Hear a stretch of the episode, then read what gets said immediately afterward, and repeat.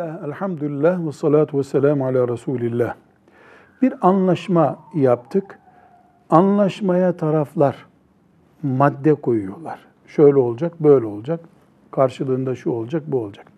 Bu anlaşmaya cezai madde ilave edilebilir mi? Mesela müteahhit bina yapmak için anlaşma yapıyor. İşte üç yıl içinde teslim edeceğim binayı diyor. Gecikirse şöyle bir ceza diye bir ceza takdir edilebilir mi? Noterde veya herhangi bir yazışmada.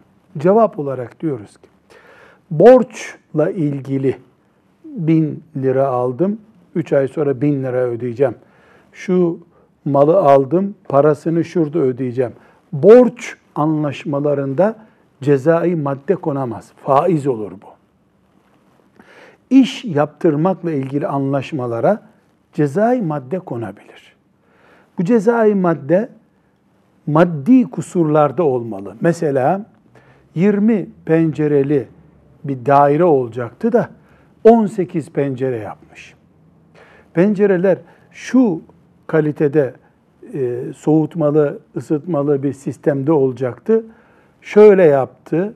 Ortada şu kadar maddi bir zarar var. Bunun için bir ceza maddesi konabilir. Manevi yüklemeler, manevi cezalar yapılamaz.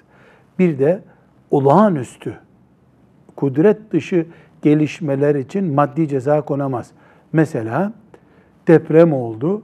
10 gün depremden dolayı devlet çalışmaya izin vermedi. Can güvenliği oluştu veyahut da afet oldu, sel oldu, çalışılamadı. Bu maddi cezaya dönüştürülemez. Normal şartlarda sözleşmeye maddi ceza konabilir. Borç anlaşmaları hariç. Elhamdülillahi Rabbil Alemin.